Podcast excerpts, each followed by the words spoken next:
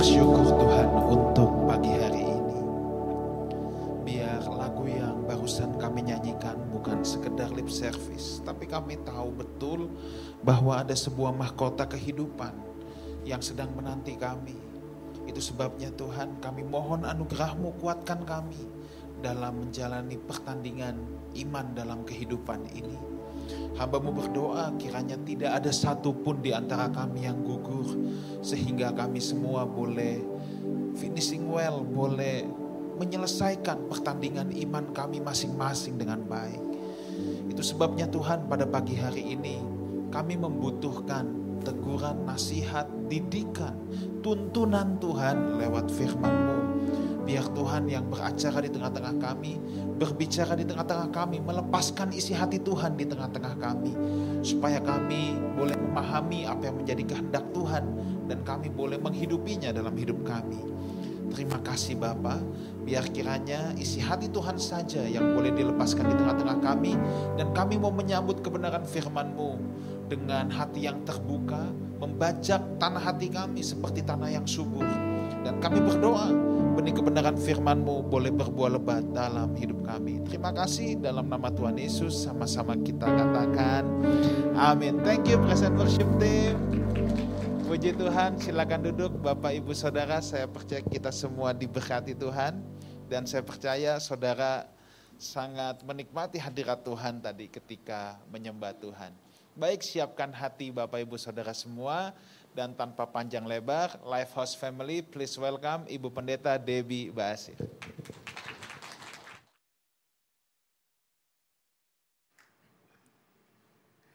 Iya, terima kasih buat kepercayaannya kepada saya, buat Pak Gembala dan seluruh jemaat. Shalom, saya ucapkan. Bagaimana kabarnya?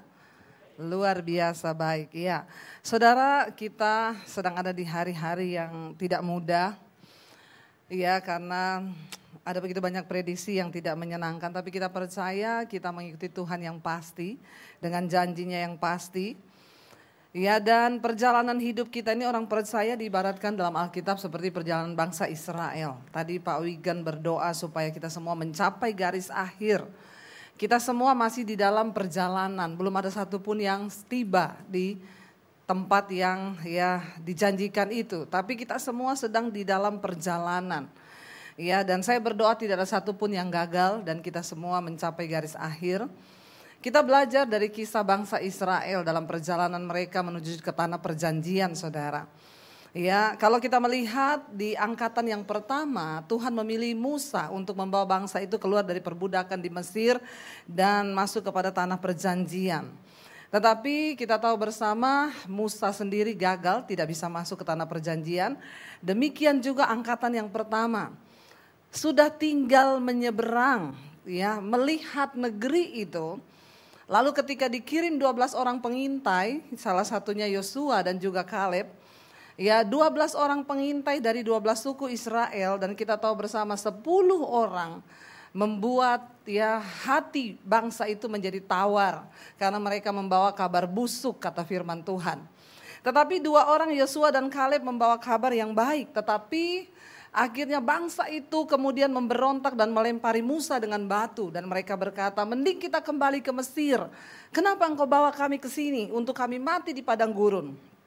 Dan hari itu juga Tuhan berfirman, karena engkau tidak percaya kepadaku, maka saat ini engkau akan berputar selama 40 tahun. Sudah di depan mata loh tanah perjanjian. Tapi karena mereka tidak percaya, lalu Tuhan berkata berfirman, engkau akan berputar selama 40 tahun lagi. Dan satu angkatan ini semua akan mati di padang gurun. Kecuali yang berumur 20 tahun ke bawah itu yang melihat tanah perjanjian. Penghukumannya tragis saudara. Satu angkatan yang keluar dari Mesir tidak ada yang bisa masuk ke tanah perjanjian sehingga mereka berputar selama 40 tahun di padang gurun. Dan ketika Musa mati, Tuhan mengangkat Yosua. Mari kita baca bersama Yosua pasal yang pertama. Judul perikopnya perintah Tuhan kepada Yosua untuk merebut tanah Kanaan.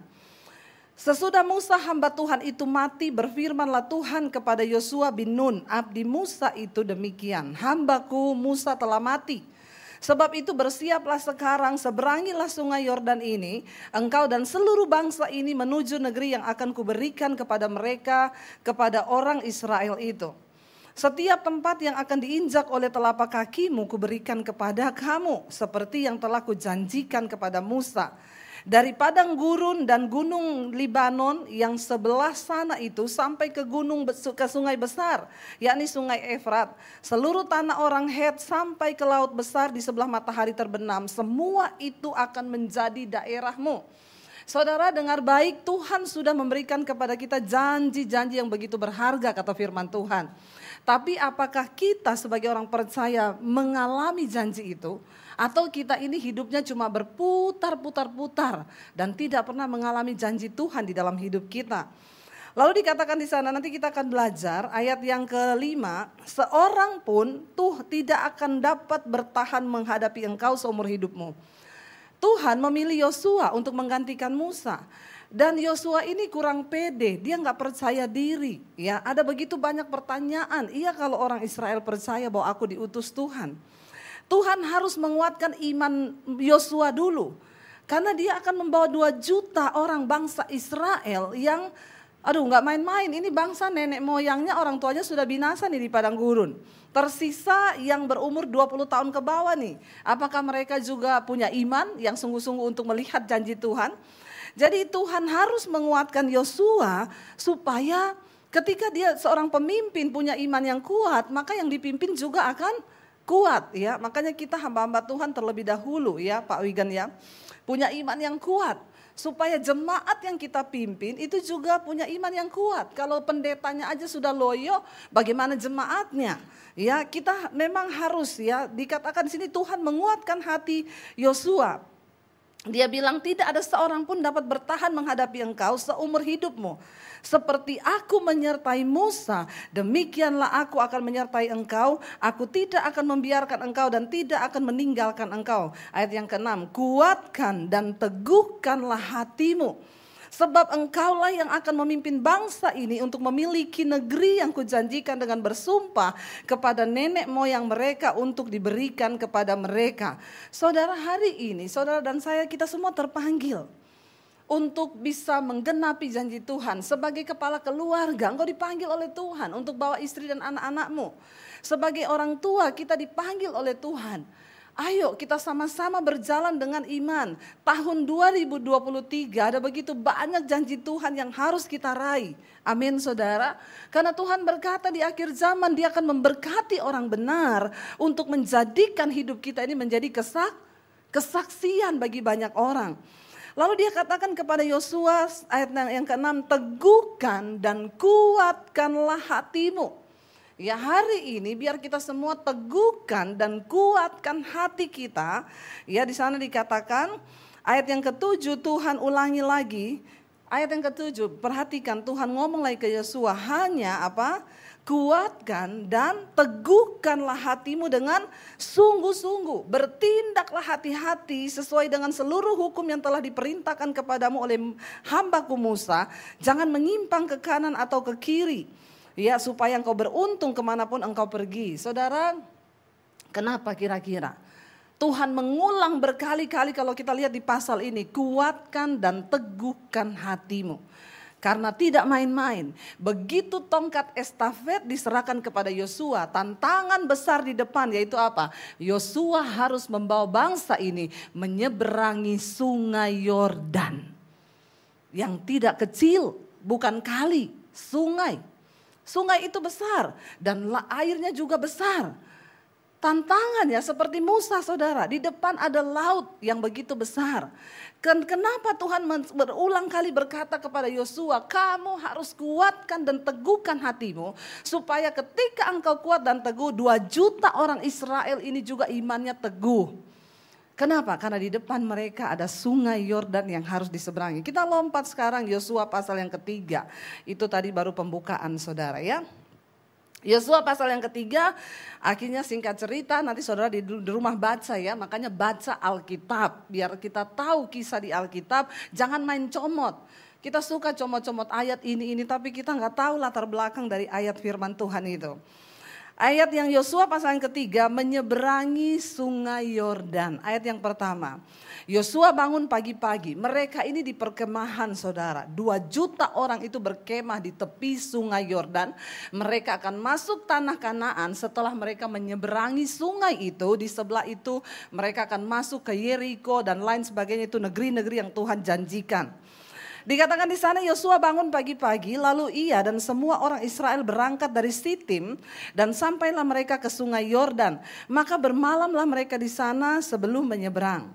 Setelah lewat tiga hari, para pengatur pasukan menjalani seluruh perkemahan dan memberi perintah kepada bangsa itu katanya segera sesudah kamu melihat tabut perjanjian Tuhan alamu itu di, yang diangkat oleh para imam yang memang suku Lewi maka kamu harus juga berangkat dari tempatmu dan mengikutinya. Satu petunjuk yang Tuhan berikan ikuti ke mana tabut perjanjian itu dibawa. Tabut perjanjian bicara tentang hadirat Tuhan. Saudara, kalau dalam hidup kita tidak ada lagi hadirat Tuhan, kita tidak mungkin akan mengalami tuntunan Tuhan. Katakan, Amin. Banyak orang buntu hari-hari ini bertanya, Bu bagaimana saya mengerti bisnis yang benar? Bagaimana saya mengerti rumah tangga yang benar? Bagaimana saya mengerti pelayanan yang benar? Saya bilang cari hadirat Tuhan. Ketika engkau berada di dalam hadirat Tuhan, hadirat Tuhan bicara tentang kehadiran Tuhan. Hadirat Tuhan berbicara tentang ada perkenanan Tuhan di sana. Satu-satunya yang menjadi petunjuk bagi bangsa ini untuk mereka berjalan menyeberangi sungai Yordan dan masuk ke negeri yang mereka tidak kenal. Cuma satu, dikatakan ingat, lihat tabut itu. Ke mana pun tabut itu pergi, kamu harus mengikuti tabut itu. Dan di sana dikatakan saudara, ya ayat yang keempat dikatakan, hanya antara kamu dan tabut itu harus ada jarak kira-kira 2000 hasta panjangnya. Janganlah mendekatinya, maksudnya supaya apa? Kamu mengetahui jalan yang harus kamu tempuh sebab jalan itu belum pernah kamu lalui dahulu. Di dalam hidup kita ini ada begitu banyak jalan yang tidak kita mengerti. Bahkan di depan kita ada banyak-banyak jalan yang belum pernah kita lalui. Tapi banyak orang Kristen begitu sombong menjalani hidup, menjalani jalannya dengan kekuatan dan hikmatnya sendiri tanpa pernah menyertakan Tuhan. Bahkan hebatnya banyak orang Kristen bikin jalan baru. Iya Pak iya? Katakan kanan kirimu, jangan bikin jalan baru, ikuti Tuhan. Ya, jangan bikin jalan sendiri. Kenapa? Karena Tuhan Maha tahu, kita sok tahu. Ya, amin. Ketika engkau mau menikah, pilih yang sesuai dengan kriteria Tuhan. Waktu engkau mau berusaha, mau berbisnis, berdoa minta tuntunan Tuhan.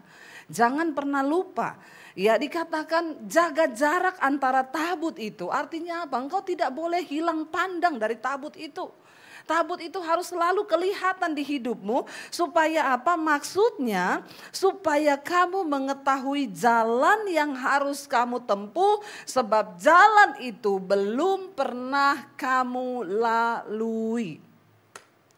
Di depan kita ada begitu banyak rahasia. Kita tidak mengerti apa yang akan terjadi di depan. Kita perlu mendekatkan diri dengan Tuhan. Dengan tabut itu, dengan hadirat Tuhan.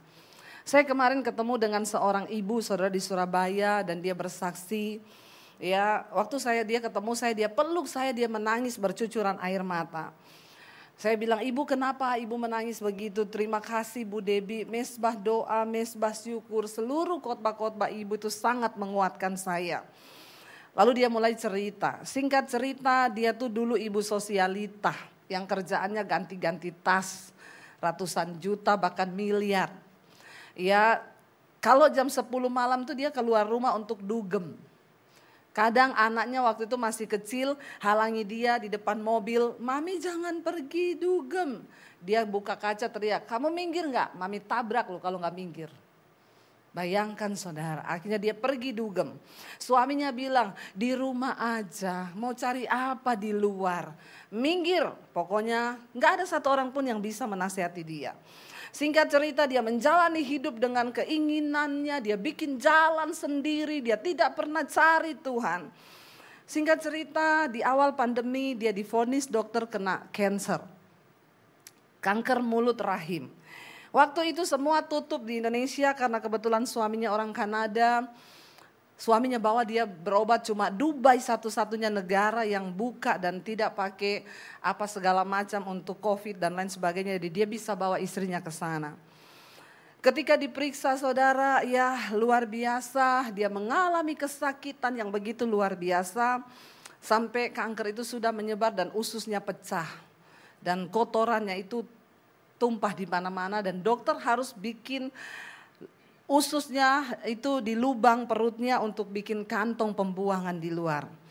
Dia marah sama Tuhan, dia bilang, kenapa saya kena begini Tuhan? Apa yang sudah saya buat? Tidak ada pertobatan. Suaminya bilang ber, berdoa. Kamu tanya Tuhan, kenapa kamu menghadapi gini?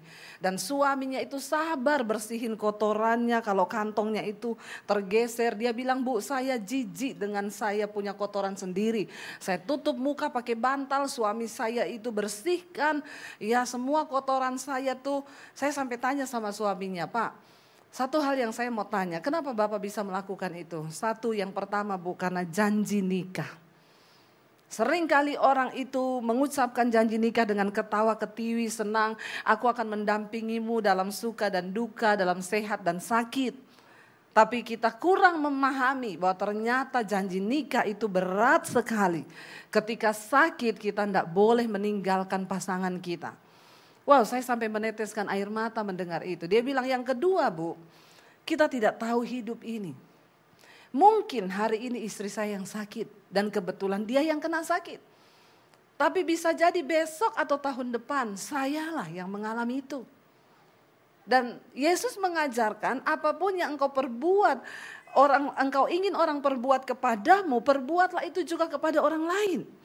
Hanya itu yang memberikan saya kekuatan untuk bisa melayani istri saya. Dia suruh istrinya berdoa, istrinya nggak mau berdoa. Suruh baca Alkitab, nggak mau baca Alkitab. Sampai suaminya itu bingung saudara. Lalu ada seorang teman mengirimkan khotbah saya kepada istrinya dengan judul Akibat Dosa Tersembunyi. Itu khotbah sekarang di YouTube dinonton sudah jutaan saudara. Dia bilang waktu saya nonton khotbah ibu yang judulnya Akibat Dosa Tersembunyi itu saya dijamah Tuhan.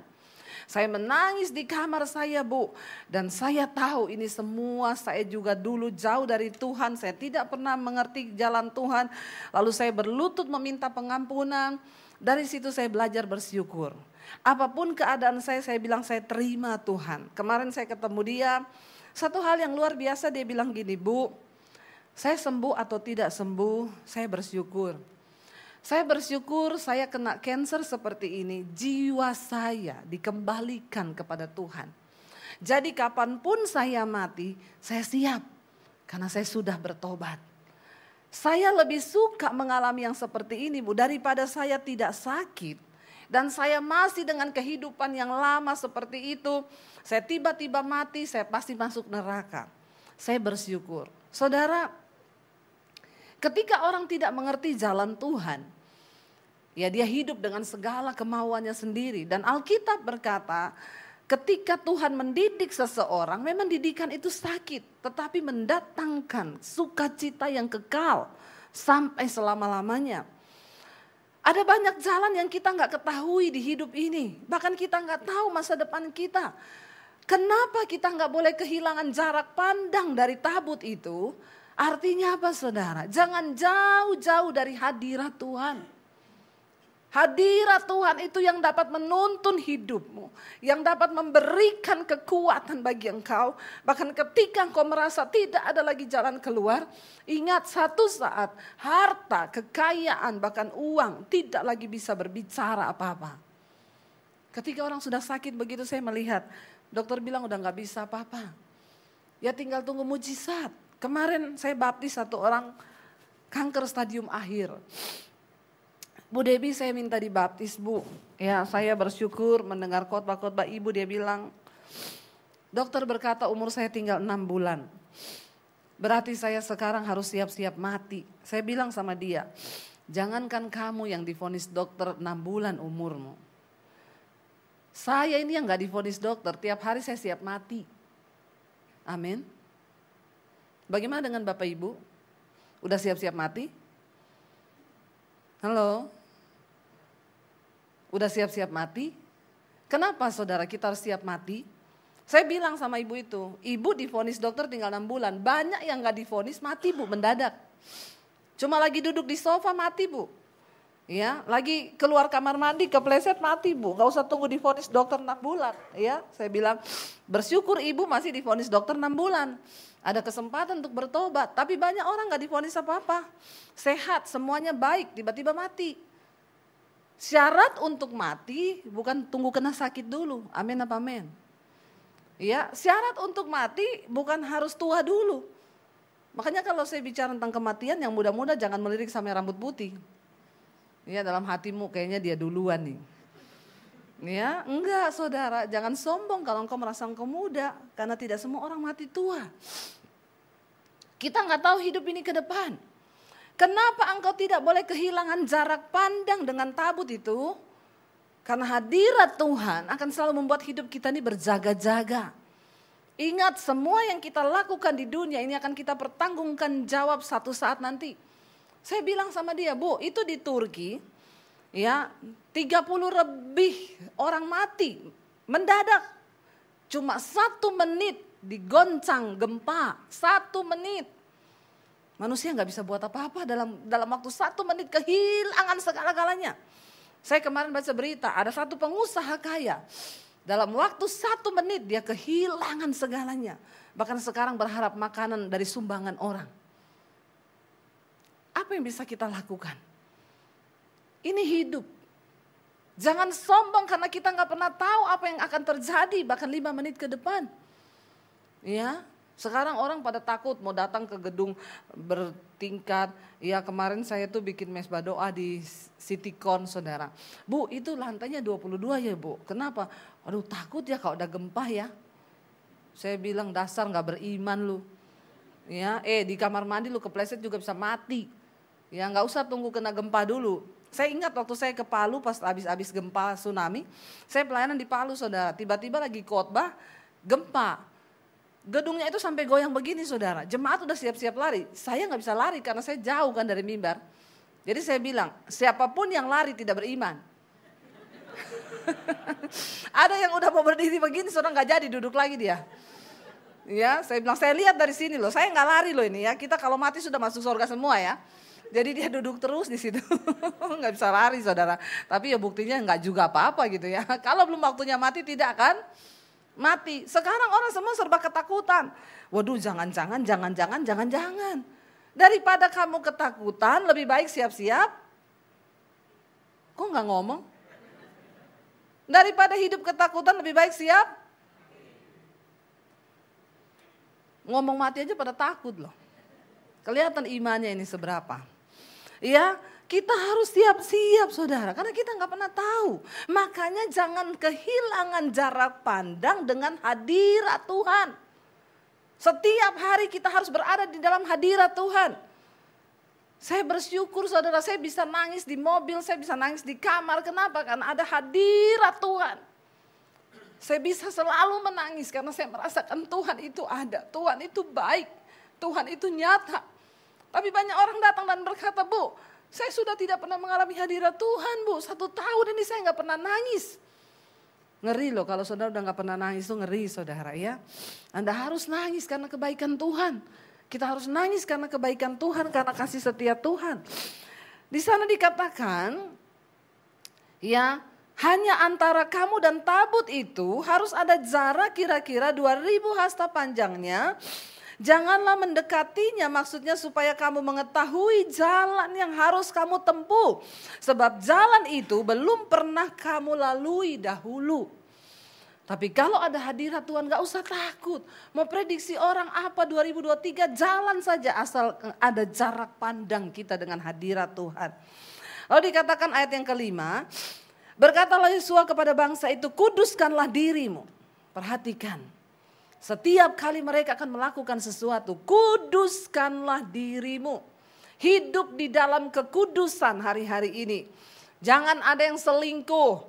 Jangan ada lagi hal-hal percabulan, kenajisan, homoseksual, lesbian, bertobat.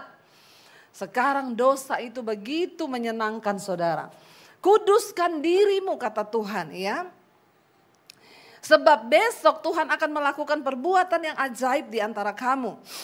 Dan kepada para imam, Yosua berkata demikian, angkatlah tabut perjanjian dan menyeberanglah di depan bangsa itu ya maka mereka dikatakan mengangkat tabut perjanjian dan berjalan di depan bangsa itu ayat 7 dan Tuhan berfirman kepada Yosua pada hari ini perhatikan pada hari inilah aku mulai membesarkan namamu di mata seluruh orang Israel. Jangan kita coba membesar-besarkan nama kita, percuma nggak ada guna. Tapi kalau Tuhan yang membesarkan nama kita, maka itu akan menjadi sesuatu yang kekal. Tapi kalau kita berusaha membesarkan nama kita, Yosua tidak berusaha melakukan apa pun, dia hanya melakukan perintah Tuhan. Dan Tuhan yang berkata, mulai hari ini kata Tuhan, ya aku yang akan membesarkan namamu ya di tengah-tengah orang Israel. Tuhan yang berfirman pada hari inilah Ya, aku mulai mem, aku akan membesarkan namamu di antara seluruh orang Israel supaya mereka tahu bahwa seperti dahulu aku menyertai Musa, demikianlah aku akan menyertai engkau. Dalam hidup ini yang terpenting itu adalah penyertaan Tuhan. Katakan amin. Waktu Tuhan beserta kita banyak hal besar akan terjadi saudara. Lalu dikatakan di sana ayat yang ke-8. Maka kau perintahkanlah kepada para imam pengangkut tabut perjanjian itu demikian. Setelah kamu sampai ke tepi air sungai Yordan, haruslah kamu tetap berdiri di sungai Yordan itu. Lalu berkatalah Yosua kepada orang Israel, datanglah dekat dan dengarkanlah firman Tuhan Allahmu. Lagi Yosua, dari hal inilah kamu akan kamu ketahui bahwa Allah yang hidup ada di tengah-tengah kamu dan bahwa sungguh-sungguh akan dihalaunya orang Kanaan, orang Het, orang Hewi, orang Feris, orang Girgasi, orang Amori dan orang Yebus itu dari depan kamu. Sesungguhnya dikatakan di sana tabut perjanjian Tuhan semesta bumi berjalan menyeberang di depan kamu masuk ke sungai Yordan. Maka sekarang pilihlah 12 orang dari suku-suku Israel, seorang dari tiap suku Ya segera sesudah kaki para imam pengangkat tabut Tuhan itu semesta bumi berhenti di dalam air sungai Yordan, maka air sungai Yordan itu akan terputus. Air yang turun dari hulu akan berhenti mengalir menjadi bendungan. Perhatikan baik, Tuhan melakukan metode yang berbeda ketika zaman Musa. Ketika bangsa Israel dibawa oleh Musa, itu mereka masih dari perbudakan di Mesir, tidak tahu tentang Tuhan. Mereka ada di Mesir di tempat negeri yang penuh penyembahan berhala. Mereka belum tahu tentang apa-apa tentang Tuhan. Jadi ketika di depan ada laut, Tuhan mengeringkan lebih dahulu air laut baru bangsa itu disuruh menyeberang. Tuhan berkata, Musa ambil tongkatmu, pukul ke laut, lalu jadi jalan. Baru bangsa itu berjalan. Berbeda dengan di sungai Yordan, Tuhan tidak mengeringkan sungai itu. Tuhan mau lihat imannya orang Israel setelah 40 tahun mereka dibawa berputar di padang gurun. Apakah mereka sudah sungguh-sungguh percaya? Sekalipun ada air, para imam lebih dulu harus masuk ke dalam air itu.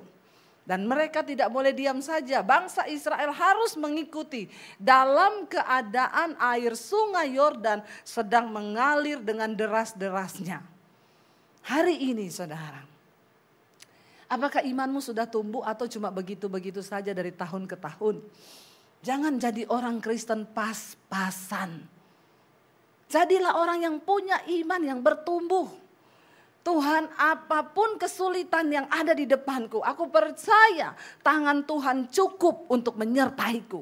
Itu orang yang punya iman. Ibu yang bersaksi kepada saya kena cancer. Dulu dia cuma sibuk bertanya, kenapa Tuhan? Aku begini, kenapa, kenapa, kenapa? Tapi ketika dia berjumpa dengan hadirat Tuhan. Tuhan menjamah dia, imannya berubah. Dia bilang apa? Aku sembuh atau tidak.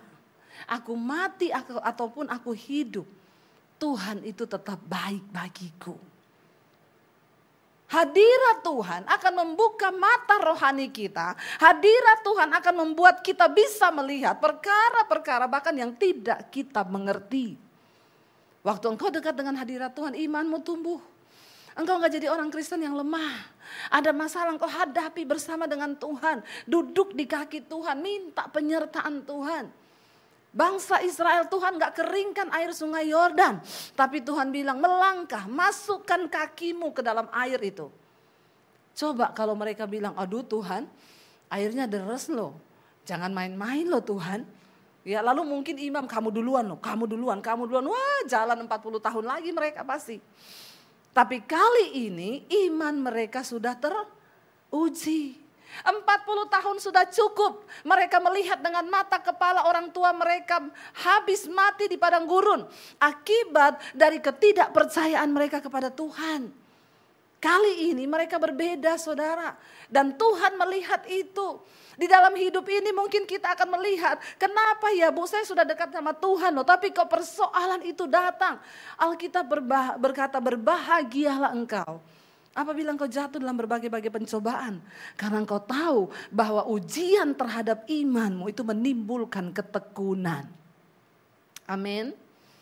Yang tidak ada pencobaan saya doakan biar ada pencobaan. Supaya imannya tumbuh. Amin. Iya dong. Ya, Iman kita sehat. Kalau kita menghadapi pergumulan. Jangan tidak suka dengan pergumulan.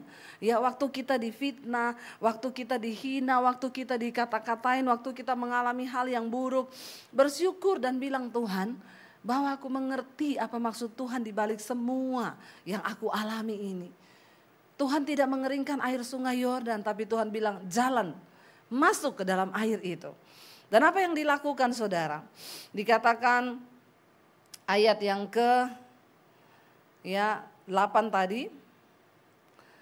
Ya ayat yang ke-9. Lagi kata Yosua dari hal ini kamu akan ketahui bahwa Allah hidup. Allah yang hidup itu ada di tengah-tengah kamu.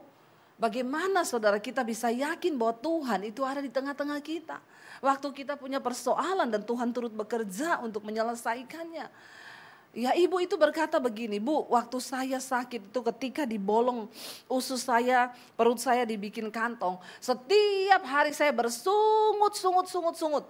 Dan itu rasanya semakin sakit bu. Sampai dia bilang sama suaminya, saya minta dokter untuk suntik mati aku. Atau kamu yang suntik aku mati.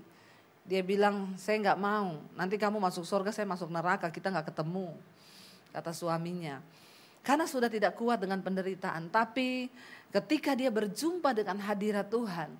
Dia berdoa, Tuhan aku tidak mau ada sungut-sungut keluar dari mulutku. Aku mau bersyukur kepada Tuhan. Lalu dia bilang begini, Bu tahu nggak? Saya masih kesakitan loh Bu. Saya masih sakit dan belum sembuh. Tapi ada damai sejahtera itu di hidup di hati saya. Saya bilang itu Tuhan apa kunci, apa ciri, apa apa sinyal bahwa Tuhan itu masih ada dalam hidup kita waktu engkau hidup dalam damai sejahtera. Suami istri hidup damai sejahtera, anak-anak hidup dalam damai sejahtera. Itu tanda Tuhan ada di dalam hidup kita. Lalu akhirnya saudara Yosua berkata, kamu akan tahu bahwa Tuhan Allah yang hidup itu ada di tengah-tengah bangsa Israel. Lalu ayat yang ke-11, sesungguhnya tabut perjanjian Tuhan semesta bumi berjalan menyeberang di depan kamu masuk ke sungai Yordan. Maka sekarang pilihlah 12 lalu dipilih saudara ya ayat 14 ketika bangsa itu berangkat dari tempat perkemahan mereka untuk menyeberangi sungai Yordan, para imam pengangkat tabut perjanjian itu berjalan di depan bangsa itu. Segera sesudah para pengangkat tabut itu ya masuk ke sungai Yordan, para imam, memang imam ini harus lebih dulu ya diuji. Jadi imam ini punya punya iman apa enggak? Jangan ngomong imam tapi enggak punya iman. Makanya imam yang harus masuk duluan. Ya, jadi jemaat lihat dari belakang. Ini imamnya tenggelam enggak ya? Hanyut enggak ya? Kalau imamnya hanyut dan tenggelam maka jemaat lari kocar kacir. Begitulah jemaat, ya enggak? Ya kalau imamnya tenggelam, boro-boro ditolong, yang ada diteriakin. enggak punya iman gitu ya, tapi jemaat di sini tidak, amin. Insya Allah. ya. Lalu Dikatakan saudara, ya segera sesudah para pengangkat tabut itu sampai ke sungai Yordan. Dan para imam pengangkat tabut itu mencelupkan kakinya ke dalam air di tepi sungai itu. Sungai Yordan itu sebak sampai meluap sepanjang tepinya selama musim menuai maka berhentilah air itu mengalir. Air yang turun dari hulu melonjak menjadi bendungan jauh sekali di dekat Adam, kota yang terletak di sebelah Sartan. Sedang air yang turun ke laut Araba, yakni ke laut asin terputus sama sekali. Lalu menyeberanglah bangsa itu di tentangan Yeriko. Wow enggak saudara? Saya berharap kita ini membaca ini sambil wow, jangan gini, itu dongeng bu. Ada orang Kristen yang menganggap cerita Alkitab itu dongeng loh. Ya, emang benar itu, kira-kira benar nggak ya? Ada nggak yang tahu? Waktu engkau berpaling kepada Allah, percayalah bahwa Allah itu ada dan dia hidup. Nggak usah tawar menawar, apa yang Alkitab tulis itu benar-benar terjadi. Sejarahnya, tempatnya, saudara yang pernah ke sungai Yordan, saudara pernah lihat, tapi kan sekarang juga ukurannya tidak seperti yang dulu ya. Sudah menyusut saudara. Lalu berhenti air itu, ayat 17, tetapi para imam pengangkat tabut perjanjian Tuhan itu tetap berdiri di tanah yang kering di tengah-tengah sungai Yordan sedang seluruh bangsa Israel menyeberang di tanah yang kering sampai seluruh bangsa itu selesai menyeberangi sungai Yordan. Dua juta orang di bawah menyeberang sungai.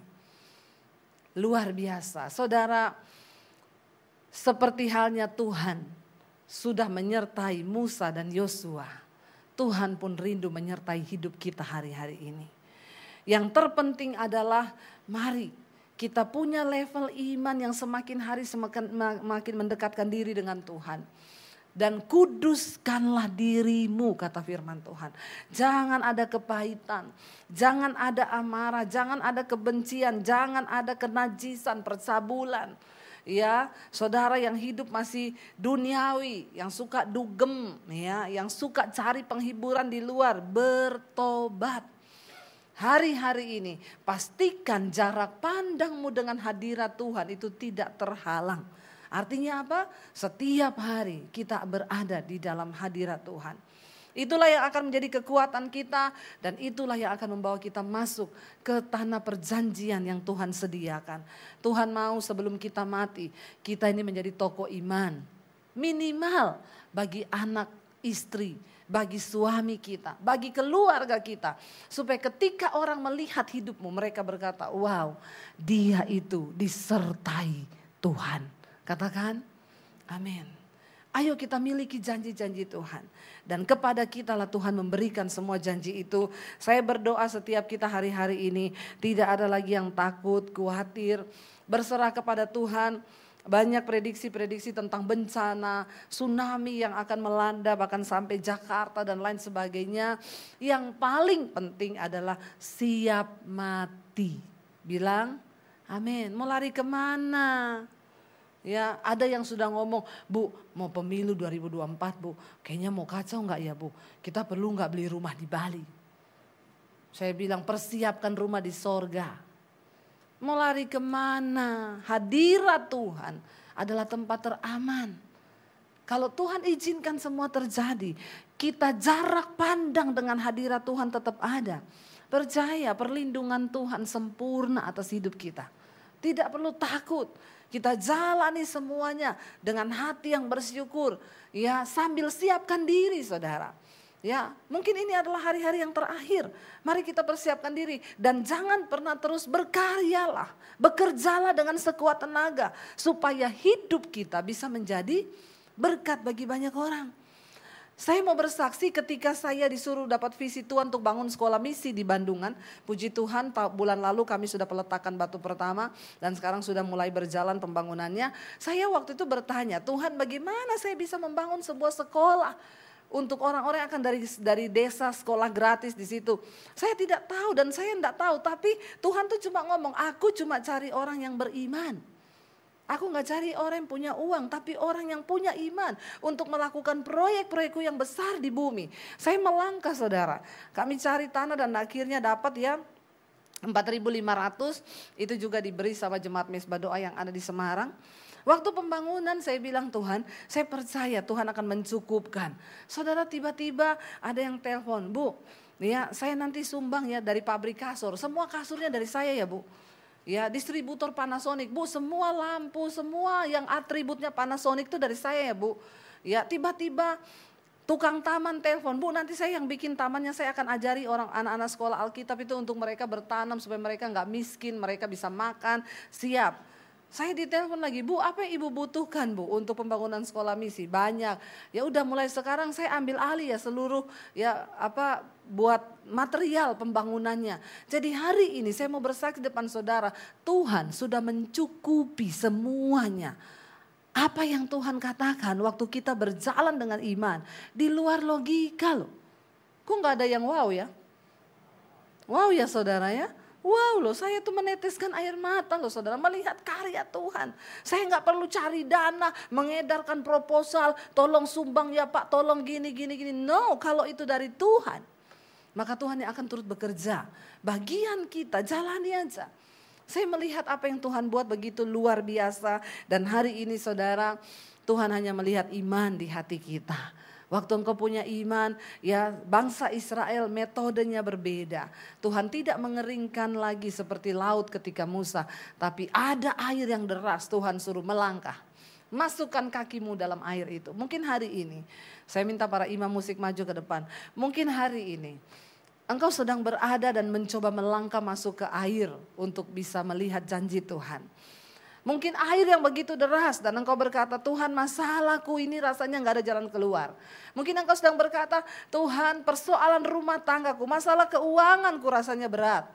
Dengar hari ini saudara, Tuhan sanggup menjawab lebih dari yang engkau doakan. Tuhan sanggup mendengar lebih dari yang kita harapkan. Biar hari ini kita mau sama-sama berkata kepada Tuhan pujian ini, ya Yesus mendengar lebih dari yang kita doakan. Yesus menjawab lebih dari yang kita harapkan. Biar iman kita tertuju kepada Tuhan dan percayalah bahwa janji Tuhan itu ya dan amin. Mari kita bangkit berdiri bersama. Terima kasih Tuhan, katakan kepada Tuhan.